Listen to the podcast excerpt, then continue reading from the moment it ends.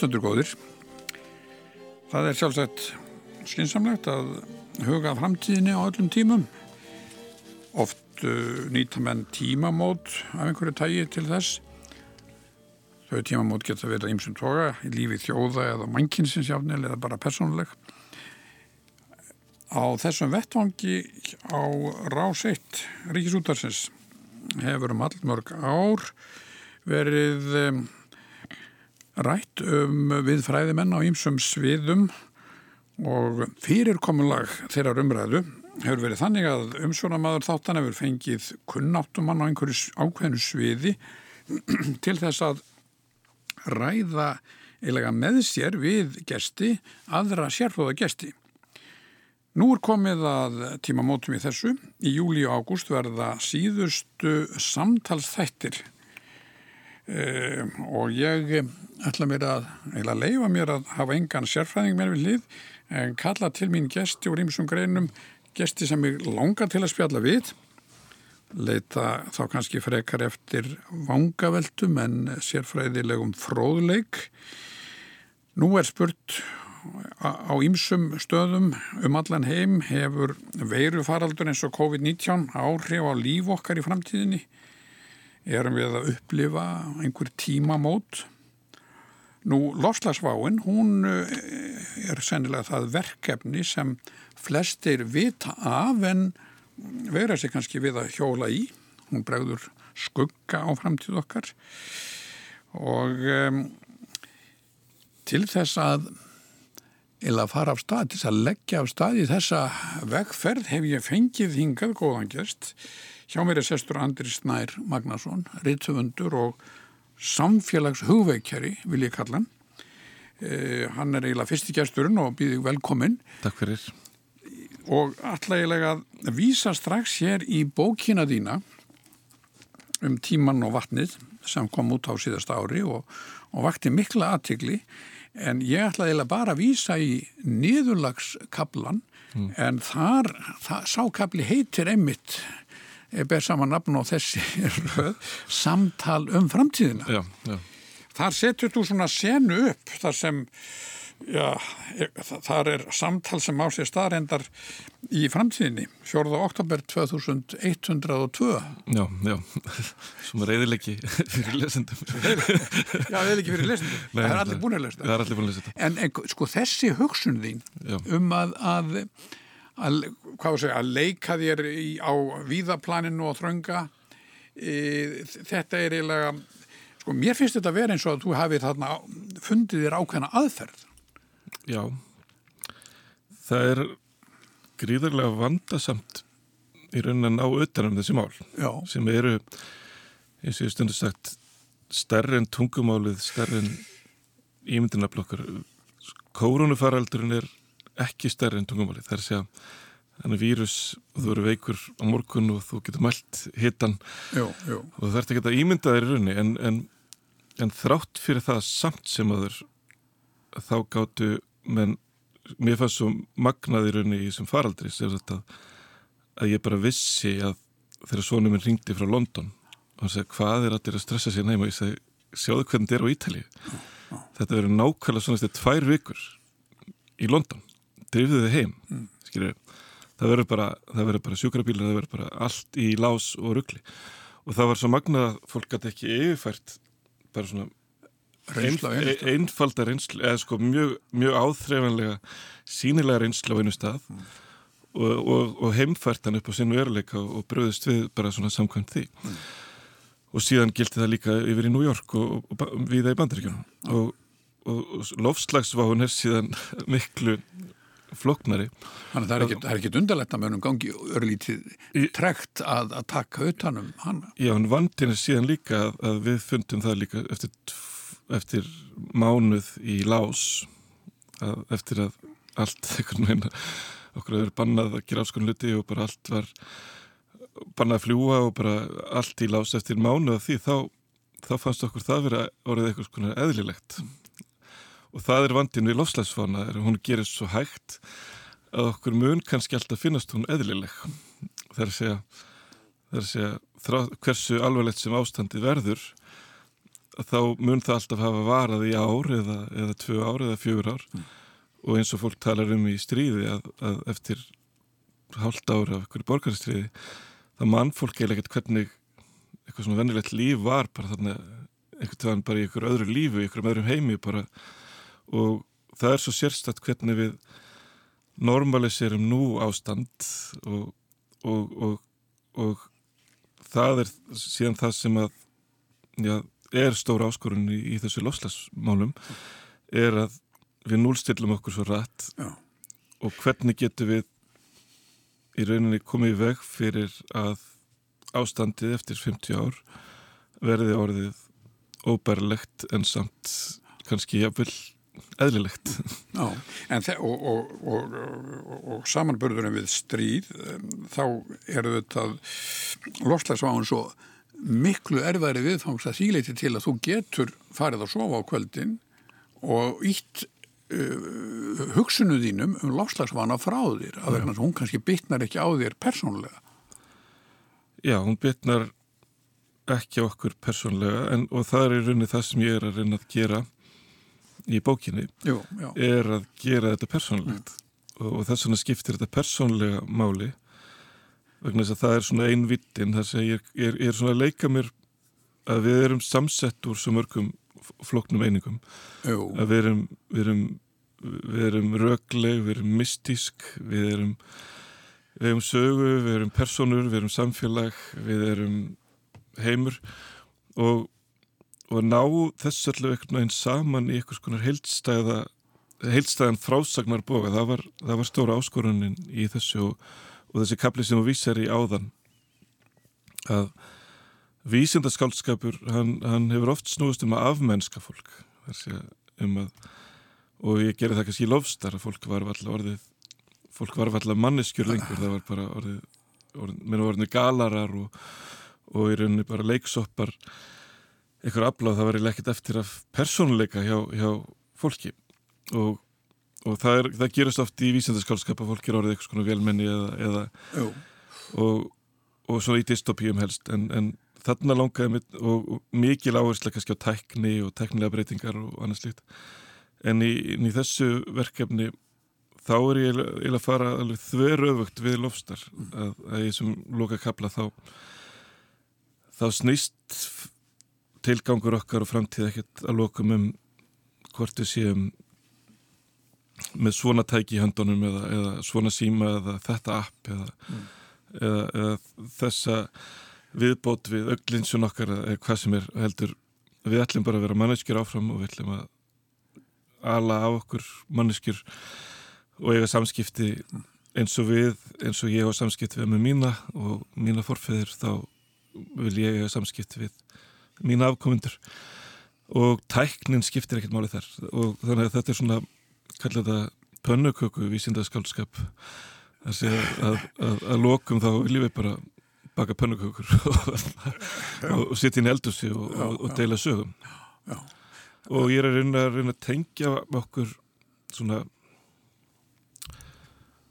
reyna að tengja okkur svona á kannski djúpan hátt við framtíð sem er sverfitt að, að tengja sér við. Það er aðeinsvert að, að, að auðvitað á síðast ári þá kom út hjá Íslandi bókin Húsið okkar brennur þar sem eins og segir þær undirtilli baráttu saga Gretu og fjölskyldunar þar segja Greta Thunberg hún, þar er einmitt það einnig ennum móður en kannski sem skrifar þetta aðalega en, en þar er einmitt verið að það, ég segi ekki það er ekki svipuð aðferð en það er samt þessi tenging við fjölskyldu. Já.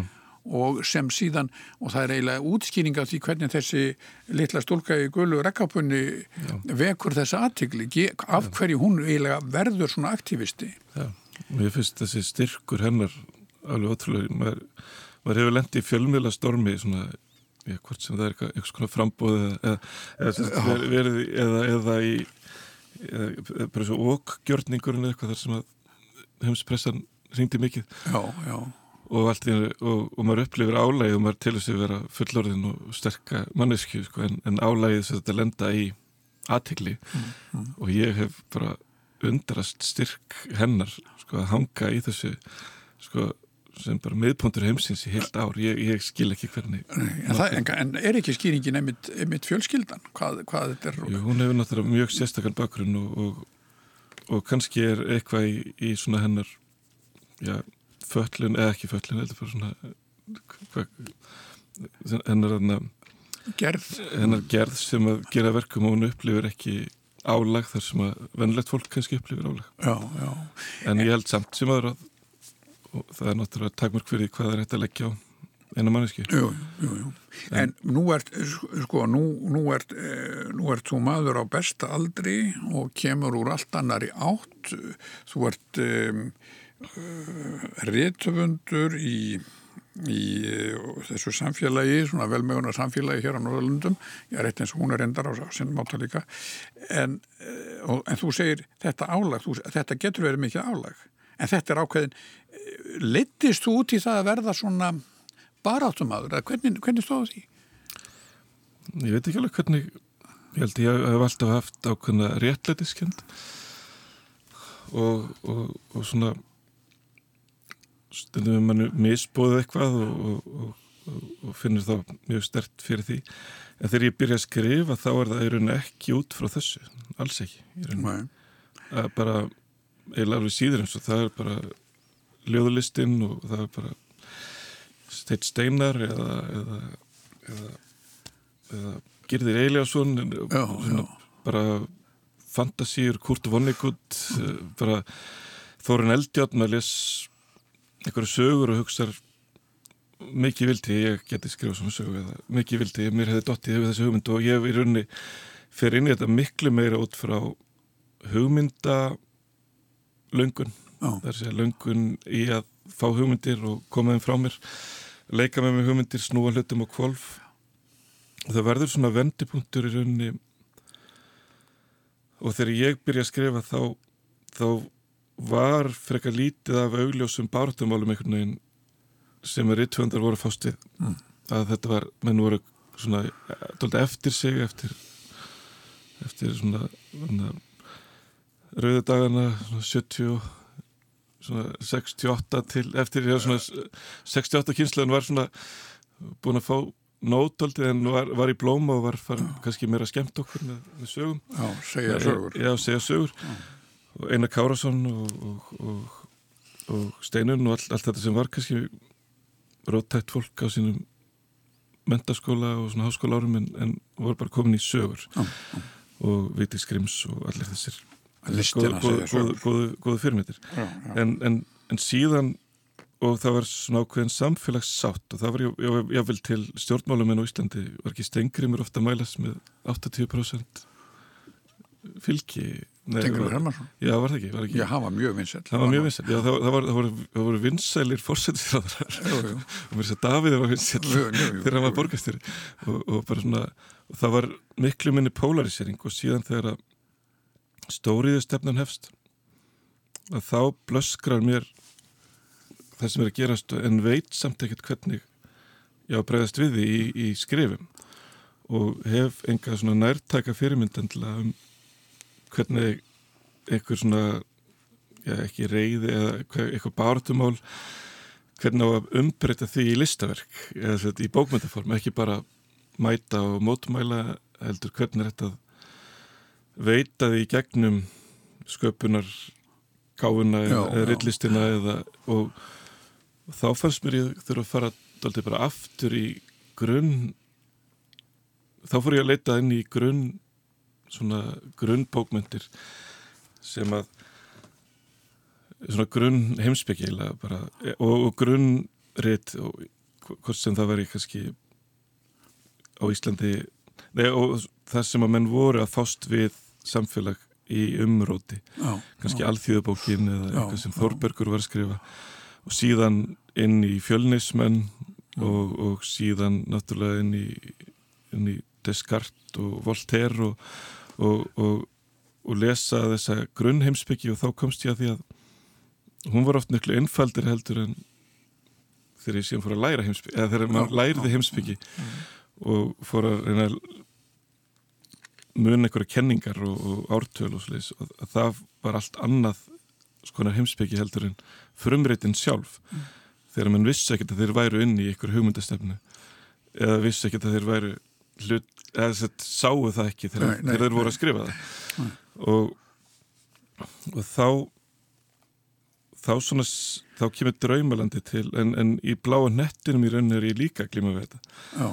Að, að hvernig átt að segja eitthvað mikilvægt þegar að þegar að maður vill segja eitthvað mikilvægt og hvernig á að koma því til skil og þá byrjar það eiginlega í Já. og, og svona leitað metafórum og leitað leiðum til þess að, að segja eitthvað sem mér finnst skipta virkilega máli en að það standi samt sem listaverk Mm. s- en það var einmitt það sem kom mörgum á óvart eh, þegar Draumalandi kom út að þarna var maður að skrifa sem virtist um, ekki bara eh, reyða sig á einhvers slags uh, mælskulist og svona tilfinningarlegt umrátt heldur að hann kunna reikna, hann kunna fara með tölur og það, það þótti mann um alltaf merkilegt. Já, það var, það, það, þetta kemur dálítið af eðlisfræðabreytinni. Ég var eðlisfræðabreyt í, í mentaskóla Já, og sá reynda mikið eftir því. að það var þarna margir mæmánuðir sem fór ég að, eða margar mævikur sem ég hefði viljað vera á skýðum með eitthvað, sem fór ég að læra munlegar sannanir og, og, og tegra og diffra og allt það.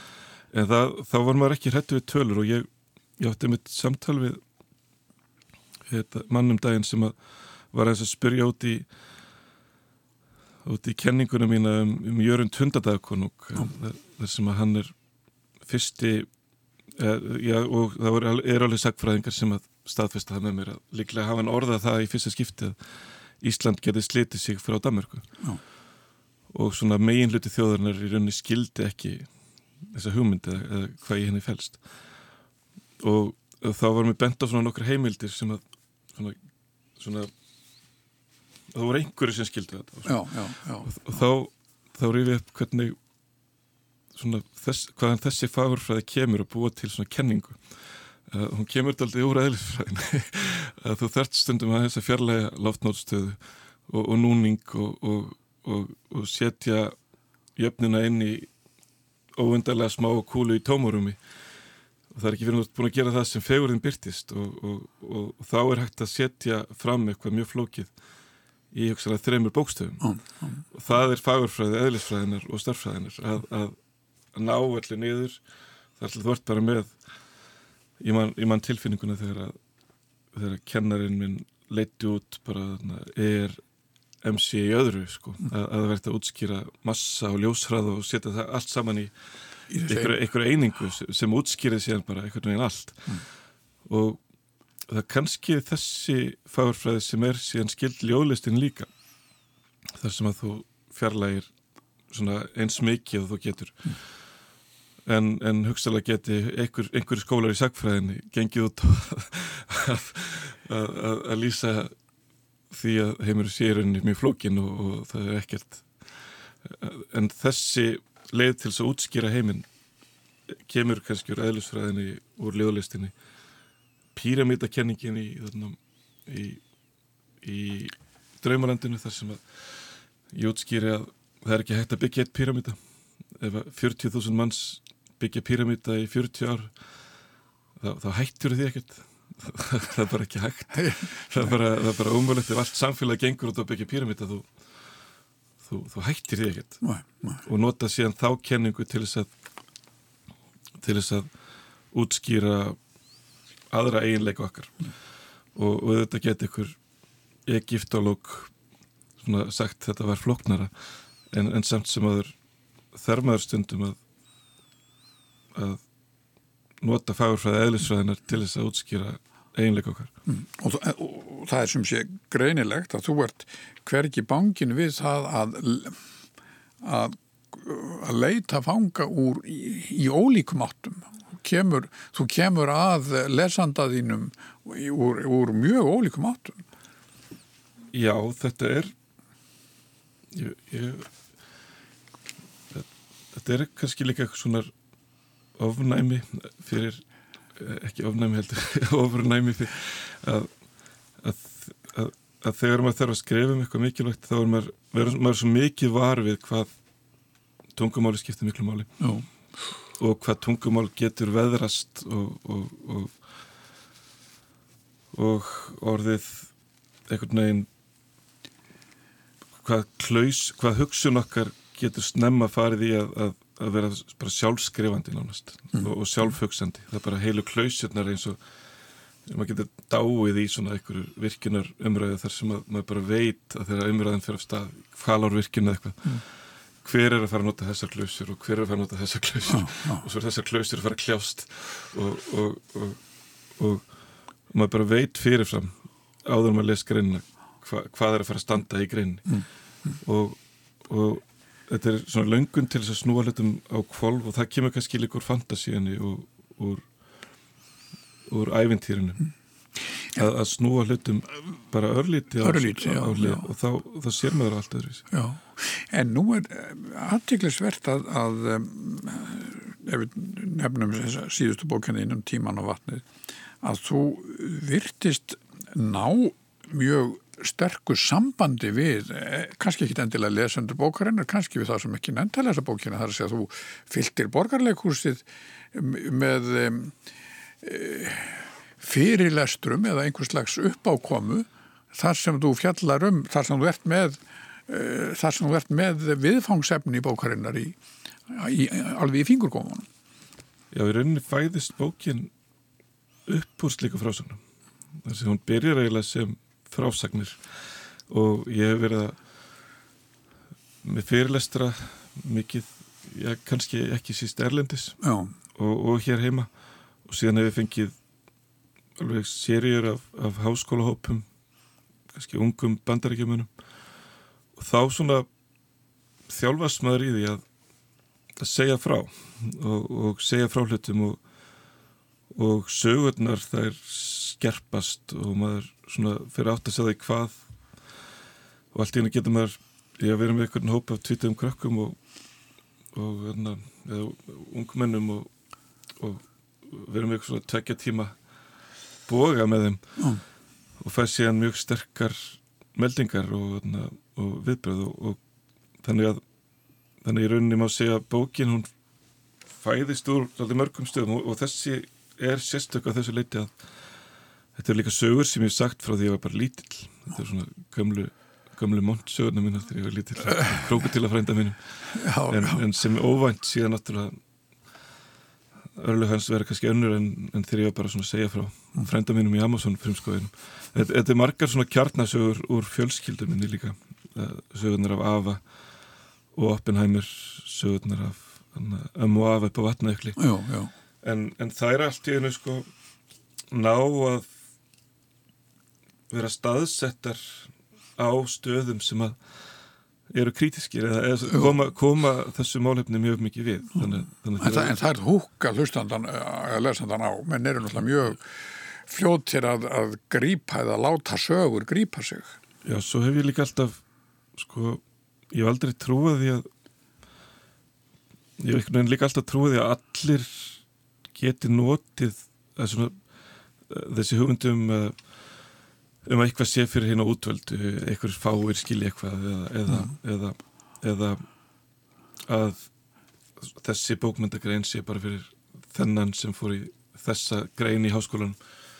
Ég, hef alltaf verið svolítið hlindur eða móti markkópaskiptingum og, og skiptingum í flokka og, og, og svona alltaf trúa því að að samanlegi þráðurinn okkar sé miklu stærri heldur en kannski við skinnjum oft í, í, í samfélaginu og vinahópar mínir hafa alltaf verið mjög blandaðir pólitísk þó ég hafi stíð inn í inn í svona pólitíska polariseringu þegar ég Já, skrifa já. draumalandi og, og, og þá þá hef ég alveg átt vinni sem sem eru kannski mikli sjálfstæðismenn eða eitthvað eða, eða, eitthvað bara eða, svona, eða miklir einhvern veginn það sem var eða eitthvað bara Já. sem var erkitypist ekki það sem að ég var og, og, og, og þá er maður spurt hvernig getið þið átt saman? Er þið ekki alltaf að rífast? En, en, en, það, það, er ekkert niðurstaðin úr samskipta við fólk. Þannig að í rauninni í þessari bók þá þurfa allir að vita þetta.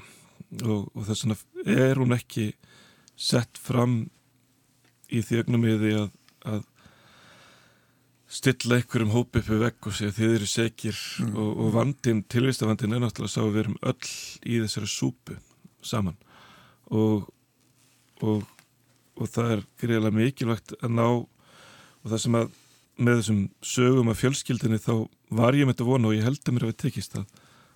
Ég hef alltaf heyrt svona í samtölu við fólk að, að þetta er ekki bara um ömmu mína heldur, er þetta líka um ömmu þína. Segja þegar þú lest bókina eða, eða hlustandi les bókina þá verður hann líka varfið hann, þá er hlut af hugfrjónum er í rauninni að hann fer að muna sína sögur. Og þannig að fólk er ekki lesum ömmu mína það er líka lesum ömmu sína. Já, og, og hugsa um sögurnar sem að þau kannski muna eða mistu af eða hefðu vilja varvita eða eru búin að varvita þannig að það er síðan hug, hugmyndin að með því að búa til einhverja mennsku þar og varpa þessari mennsku síðan inn í framtíðina. Mm. og, og, og ætlunverkið er svona kannski megalomanist eða þannig sko náttúrulega þegar ég var að segja fólki frá sér hugmynd að bókinni að, að ég ætla að taka hérna auðhumlu norræna góðufræði og heimilegi fjöllinn og, og búið kenningum það og ég ætla að taka jaklaransóknir, afransóknir uh, fjölskyldusögunum mín og ég ætla að þjappa svo öllu saman í í einn frásagnarbúa og, og, og ég var alveg fram á síðast að dag var fólk að spyrja er, er þetta ekki fjórar bækur? Er þetta ekki fjórar bækur? en, en meiningin hjá mér var að í einum heimi að ná að svona einhvern veginn að fara í gegnum öll heilakvelin röglega heilakvelið okkar mystíska heilakvelið okkar persónlega heilakvelið og, og allar þess að þræði og þannig væri þetta og í hilli bók það er ekki hægt að gera það í bladagrein heldur upp, svona eitthvað svona hugbúnaðar uppfærsla hugbúnaðar uppfærsla á tímaskinn okkar og, og mjög einföld hugmynd líka sem er þessi hvaða tíma við snertum sem er þessi að, að, að ég snerti á annars vegar fólk sem að skapaði mig að mú hafa mm.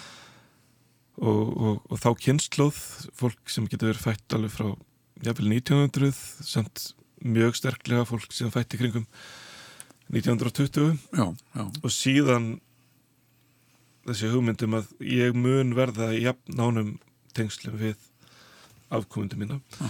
eða þá kynsluð vorandi og það er fólk sem að er bara mjög uppistandandi árið 2000 120 130 Þannig, þannig að, að, að markmiðið er að gera fólk í raunin meðvitað um þetta að það hefur þannig möguleika að vera í snertingu í báður eftir bæði til fortíðar og framtíðar. Já og aðeins gegnum þessa vitund um að þetta er okkar tími, þannig tíma já, sem að og, og, og ábyrð okkar á ártölum eins og, og náinni snertingu við ártölu eins og 2120 að aðeins þá getur maður í rauninni farið aftur að sjá þessu og, og, og farið að breyta okkur til samræmis við það mm. Einhver myndir nú segja sjálfsagt að, að þú sért að þetta sé sko bjart síni hjá þér að það er að segja að, að þú, þetta sé alltaf hægfara aðferð að reyna að gera fólk meðvitað um sinn tíma að gera einstaklingana meðvitaða það, og á meðan séu ákveðin öll í heiminum sem haldi bara áfram að, að hrifsa til sín skjótfengin gróða af, af öðlendu jarðarinnar og skeit ekkert um í raunin loslagsvána og það þurfa einhverja miklu í raunin harkalegri aðgerðir. Já, það, það þarf hvort vekja það þarf alveg örgulega að, að, að brjóta nokkru rúður. Ég verði að lesa um bara sá þarna í bandaríkjunum það verið myndið að ræða það hvort að það er ekki óþar að vera steipið svona stittum, er ekki í lægi að sé ykkur svona þræla haldari þarna á torkinu en, en og, og fólk er mjög nexlað þegar hann er feldur á stallinu og, og, og ef við förum í gegnum sögu breytinga þá þá er kannski ástæð til skamtíma svart sín en langtíma bjart síni myndi ég segja og hugmyndin ég var að mynda að hugsa líka á, á maður að fara bara vaða beint fram er þessi frásagnar aðferð þessi mjúka frásagnar aðferð þessum að ég bara svona mm. leiði fólk inn í þetta hægt já, já. eða á ég bara fara beint og rópa og, og svona bara eins og Greta gerði mm. ég held að það þurfi hvort tveggja þess að ég held að það þurfi að fara mjög herkala fram en það þarf líka að fara á þessa dýft sem að þessi persónlega dýft og, og á þessum hraða sem, að, sem þarna er. Ég held að þessi kynsluð Gretu sem er fætt í kringum 2000 og, ja, í kringum 2000 þessi kynsluð er bara að sjá sig sko, sem svona sem svona bara gamalmenni það er ekki bara rétt að skrifa eftirlaun sko, þegar að verstu kannski afleðingarnir eru byrjað að koma fram. Það er líka dýrmætt fyrir hann að hafa bara fundið stopptakkan ég Ég gerði á samt meðleikstjóra mínum Anni Jólafsdóttur við tókum 16 viðtöl í miðjum faraldrinum sem fjallar nefnit aldrei um þetta að hafa fundið stopptakan. Mm. að hafa upplifað það að heimur sem er óstöðandi og bara stjórnlaus og í, í svona og, og, og, og vakstarmótel og alls konar sko kerfi eru bara sko eins og Greta siglir til Ameríku allt í hennu í mars þú hefur bara þurft að sigla til Ameríku ef þú þurft að vera til Ameríku. Að, að upplefa bara svona algjört stopp og að, að til þess að verja líf um og afa eða, eða eldri kynslaður að það hafi bara hafkjörfi heimsins bara verið bara nánast rústað mm. þannig sé sko. mm. eða bara, við getum kannski ekki sett rústað við bara einhverju ósynlið þræði einhver, einhver peningaflæði var stoppað ah. og þau eru upplifað að þarna var hægt að grýpa á mjög róttækanátt inn í og það mun hafa mikil áhrif á þessu kynslu það, það bara Vittneskjan um það er hægt að grýpa Vittneskjan um það að náttúrulega við vorum í svona þetta átti alltaf að gerast með vilja markaðarins þetta átti alltaf að gerast svona Jú. hægt og mjúglega og við áttum svona svona að við ættum að svífa út úr sko út úr, út úr svífin í Tesla við ættum að gera stígan í framtíðina fyrir hún var hann betri heldur en ég sé Tesla er miklu betri bíl heldur en, en bíldröðslunar okkar. En, en þegar maður breytir þá, þá við áttum náttúrulega að taka þá breytingu fyrir tíu árum síðan jú, jú, og vera núna komin í betri bílin en, en það er eins og vel mikið að breyta fyrir en að markaðurinn býður upp á miklu betri leiðir til þess að ferðast á hreinanat en, en, en er ekki mitt reynslan af, af þessum mánuðu núna í, í þessum farald, heimsfaraldri að hvorki markaðurinn nýje einhver alþjóðasamtök ráða við svona fyrirbæri eins og koronaviruna þar sé að þjóðríkin verða að koma inn og sérfræðingar á vegum sem setja ríkistjórna Jú, þetta er, þetta er áhugavert að þarna og þetta tröst sem við leggjum á, á þessu sérfræðinga sem voru einmitt ópolítiskir heilaða þræningin okkar og síðan hvernig, hvernig menn mennum mistókst þegar þeir tóku pólitíkusuna fram og, og, og, og letið þá í rauninni tala fyrir þessu og mjög sérstatt að upplifa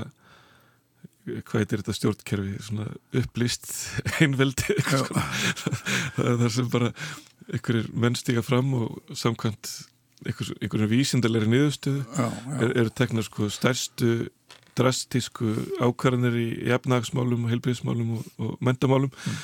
bara sem var, og samgöngum var það það er bara teknar bara einhverju risa neyðar ákvarðanir og þá spyrum við að sé mitt af hverju hafa læknar þetta tröst og hjúkur og hjúkurumfræðingar en, en ekki jöklafræðingar og, og, og sjávalífræðingar að þar komum við aftur að þessum tíma á sig að það er verið að bjarga ykkur skamstíma en ég held að þessi kynslu hún, hún hún getur ekki menta sig inn í gamla heiminn. Hún mun ekki hafa list á því. Hún, hún, hún mun ekki og þegar ég tala við svona fólk sem er í mentaskóla og, og er í grunnskóla og, það var eiginlega vandin líka við að skrifa þessu bók hvernig átt að sko vera alvarlegur og, og, og koma fram með jafnvel lamandi upplýsingar mm.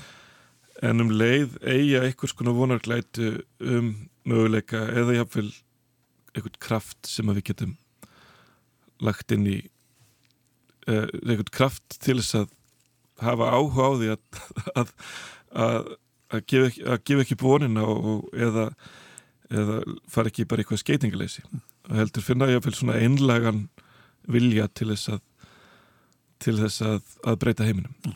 og, og ég held að að og þá ramma ég þetta oft inn þannig að, að það er ekkert neikvægt að vera hluti af umbreytingarafli að, að vera kynsloð sem að inn í hvaða fyrirtæki sem það gengur inn í þá þarf þetta að breyta öllu. Og þú þarf og að vera kynsloð sem þarf að breyta í öllum okkar kerfum, öllum okkar samgöngun viðum, ferðavennjum neyslu, minstrum sóunar, ferlum bara að vera kynsloð sem breytir þessu öllu það bara það er svo allt annað að vera verkfræðingur og taka þátt í því eldur en að vera einhverju íróníu gagvart sínu starfi vitandi að þú ert hlutað einhverju eyðingarafli. En þessi það sem þú ert að gera með, með, með þínum skrifum þá ert í rauninni að reyna að gera tilfinninguna fyrir eh, vanni í framtíðinni gera hana þannig gera hana almenna að, að almenningur uh, upplifi uh, kannski ekki mjög hrettur en, en hlaðin ákveðin í bjart síni en gerir sér grein fyrir því að verið vandamálunum. En, og finnst þér það vera er það sko forsendan fyrir því að, að mjög alvarlegar og í rauninni afgerandi breytingar að þær geti verið sko líðræðislegar að þær geti, geti farið fram án þess að kalla einn herin eða, eða, eða, eða láta bara stórfyrirtækin um þetta eða eitthvað? Það er náttúrulega alveg frumforsendan að, að ef við ætlum að lifa í líðræði samfélagi þá verður almenningur að vera upplýstur og hún er líka svolítið svona hún er, hún er líka að spurja þessu bókin að, að, að sko við báðum um líðr, líðræði og þannig tengist náttúrulega jörundur við, við, við vildum fá að velja og við töldum að, að heimur, það væri til góðs að upplýsing okkar og, og, og vitund og, og vilji okkar og það sem við kjósum að það okkur minni farnast best með þeim hætti og, að, að, og, og þá er ég í rauninni að spyrja í, í, í bókinni í rauninni sko, bara ef við vitum þetta mm. og við kjósum að líta framhjóði, er, er mun sagan dæma kerfið okkar sem gott uh. ef, ef að samanlegt líðræði heimsins rindi jörðinni fram á brúninni mm. Var, var það gott kerfi? Eða, eða munum en, munum en einhverjum köplum eftir eftirlifendur eftir 500 ár seg, dæma það sem bara mjög heimskulega tilraun já, já. að lifa liðnum bara að hafa aðgangu allir með þessum upplýsingum og horfa upp á sjálfa sig fara ekki eftir já, og, og þá það, kemur spurningin um að þekka sinn vitjónatíma og, og, og þar og þú tekur þátt í því rauninni að auka meðvitund manna en spurningin er kannski svo kom aftur að sko stjórnmálunum eða í rauninni ábyrð þeirra sem taka ákvarðanir. E, nú er það þannig að það gengur nú ekkit ef við lítum svona til heimsins alls og, og undan farin að þess vegna bara áratöga að þá gengur ekkit mjög vel að taka skinsamlegar ákvarðanir Þannig að menn eru annarkort hrættir við þær ofta tíðum og, og þess vegna og koma með svona eins og einhvers konar afsökun fyrir því að gera ekkit og segja markaðurinn verður að ráða þessu. Og, og, og það sem ég finnst nefnilega að þú nefndir en það þrýeikið eða heilugu, heilugu þrenningu hér, sko er þarna einhver er þarna einhver kjarna er þarna einhver kjarna fyrirbæri sem hugsanlegt er að, að, að beita í framtíðinni að, að, að skinnsum stjórnvöld segi í vissum málum þá verðum við að, að ekki bara kalla eittir álið til sérfæðinga heldur beinlýnis að fá sérfæðingarna til þess að hjálpa okkur að stjórna. Já, þetta er það er svo stutt síðan að þetta gerðist. Að og ég held að við séum ekki alveg búin að melda þetta Uh, og, og ég held að við séum ekki alveg búin að fatta hvað gerðist. Að að jú, við lifðum okkar vennilega lífi, ég vald til að mætti bara einhverjur og svo bara nú er bara allt breytt. Á morgun er bara allt breytt og, og öllum veitingahúsum lokað og, og, og bara öllum kerfum er bara breytt yfir, yfir nótt. Og, og ef við hefðum brúðist við lofslagsvandanum árið 1980 þegar við vissum að hann væri yfirvofandi og farið að fikur okkur frá ólíu og kólum og, og, og öllum þessum skadilegu útblásturs fyrirbærum og, og hefðum þróað teknin í þátt eða lífsætt okkar í þátt að, að, að þetta væri raunveruleiki að þá værum við líklega komið fyrir vind núna 40 árum síðar það er mjög líklegt. Það er, alveg, það er marga sviðsmyndir uppi. Það er, er alveg líklegt að við verðum að bregðast við þessu á meðan við erum sterk. Þar segja við getum ekki bregðast við þessu þegar að þetta fara að berja á okkur. Við verðum að bregðast við þessu á meðan við erum með funkarandi innviði og stjórnkerfi. Og, og núna í rauninni þarf, þarf breytingin að vera svo hörð að hún hlýtur í rauninni bara vísindarlega þar sé að einmitt ekki út frá því að mér langar ekki ekki út frá hvernig ég vildi helst fá að lifa áfram á næstu 30-40 árum heldur vísindarlega þá þurfa ríkistjórnir að grýpa jafn hart inn í en það er kannski ekki á allt annan hátt samt. Það, er segja, það er ekki verið að banna okkur að snertast. Nei, það er ekki verið að banna okkur að fara í leikhús. Það er ekki verið að banna okkur að vera á gödumörkuðum eða, eða í partíum eða útskriftaveslum eða jarðaförum en það þarf að, að handbreyta orkuframleyslu heimsins bara í rauninni eins og það væri heimstyröld það er segja að það þarf bara að slökkva á vélum, bara eins og þegar við fengum hitavituna, það var fólk sem að átti bara til dæla nýja oljukendingu nýri, nýri geimsli hjá sér. Bara sem kosti á við smábíl á þeim tíma, það, fólk átti bara fína nýlega oljukendingu og, og það var bara sorry hún er ekki lengur í bóði þú ert að fara, við erum að fara að setja hitavitu henni hérna í húsið þitt.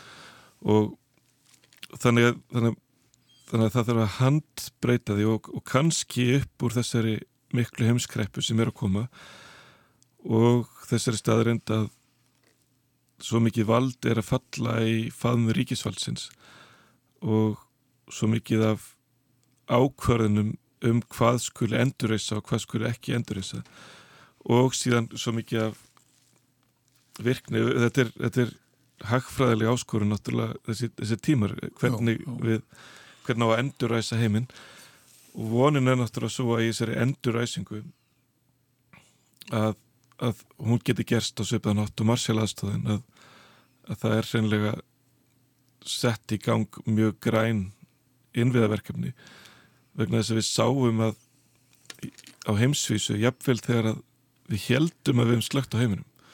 Þess að við heldum í alvörinni að, að við værum bara hægt að hafa áhrif á, á heiminu, við vorum bara upp í rúmi og horfa á Netflix. Að, og, og Íslendingar fóru í rauninu miklu betur út úr þessu heldur en flestir sem við þekkjum út í heimi við vorum þó allavega ennþá fengum að fara út og, og við já, þetta algjör, algjör hrylling já, að, að við heldum að við værum hægt að hafa áhrif á heiminn. Vegna þess að við vorum bara hægt að gera allt sem við gerum hennilega. en samt fór meðal losin í heiminum bara niður um 17% og þá ætti maður náttúrulega fallast hendur nánast bara hva, hvað getum við gert sko. en, en, en það En ætti, ætti, ætti þessi staðarind ekki að, að færa öllum heimsanninum að það er hægt að gera, þar sem bæði stjórnvöldum uh, um heiminn og, og í rauninni líka sko hagkerfin eða sko í kapitalistunum að, að það sé hægt að það er hægt að uh, það er hægt að bremsa vissa hluti af.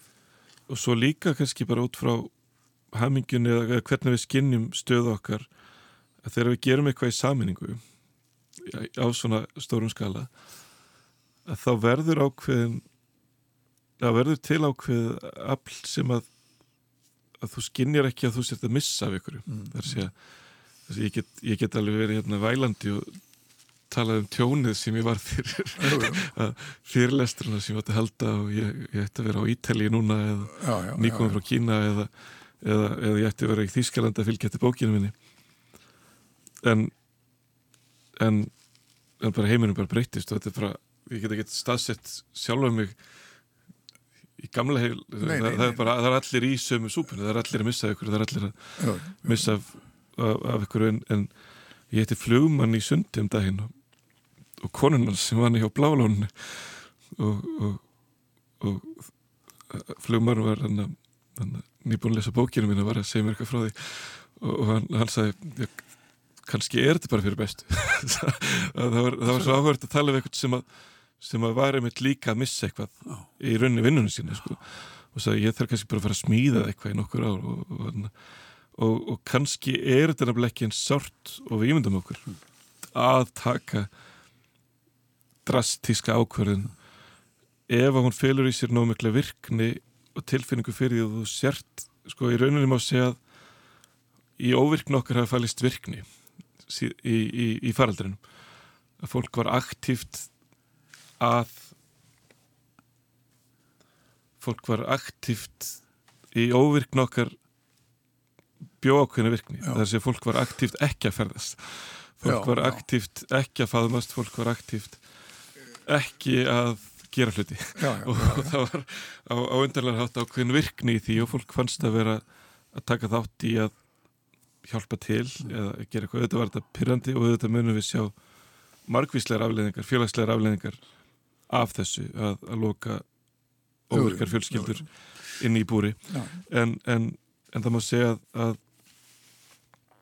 að í óvirkninni fólkstu virkni og, og í því að berjast gegn þessum loslagsbreytingum að ráðstafa nokkru miljónum manna í virkni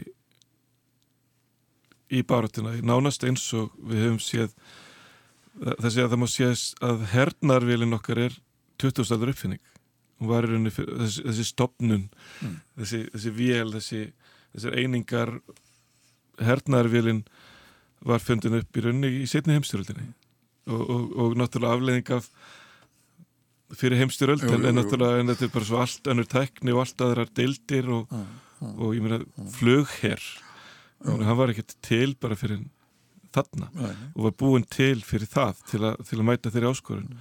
Saminuð þjóðirnar voru ekki til þegar að þegar að bara mamma fæðist skilur að, að, að, að, að það er alls konar virkni sem við þurfum að búa til okkar kynnslóð og, og, og grétu kynnslóð stopnanir virkni maskínur í rauninni Já, já, af því að ég held að, að, að ef þú skoðar síðan það sem liggur í lofslagsvonni er að við erum búin að aftengja okkur frá jörðinni. Þar sé að við erum ekki lengur ég get ekki farið með fjölskyldu mína bara norður á slettu aftur og, og lifað í takt eins og menn gerir í þúsund ár.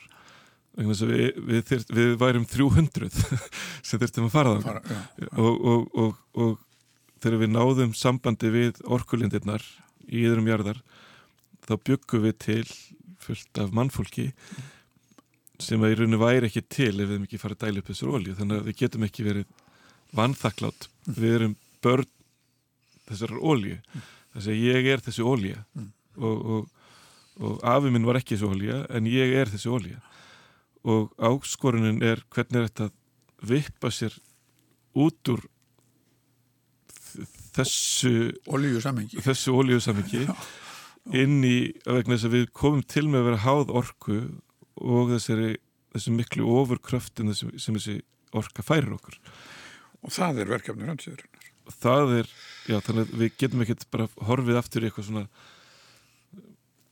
já, eitthvað svona Nei. samfélag 19. aldar við, við, við þurfum að vera mjög hátækni og orku háð hún þá er spurning bara kannski um líka að beita t- tækni við að, að, að, að sko beita eins og, eins og menn hánu verið að reyna til dæmi og þú nefnir nú það er að segja að fanga koldvíósíð í andrumsloft það er ímislega sem minn er að berjast við að, að finna leiðir. Og við komumst ekki hjá því að gera það. Þa, það verður ekki gert bara með því að planta trjám. Það verður, og, eða með því að verða vegan. Það, það þarf í rauninni tæknilegar lausnir til að fjarlæga útblásturinn sem tæknin losaði Já.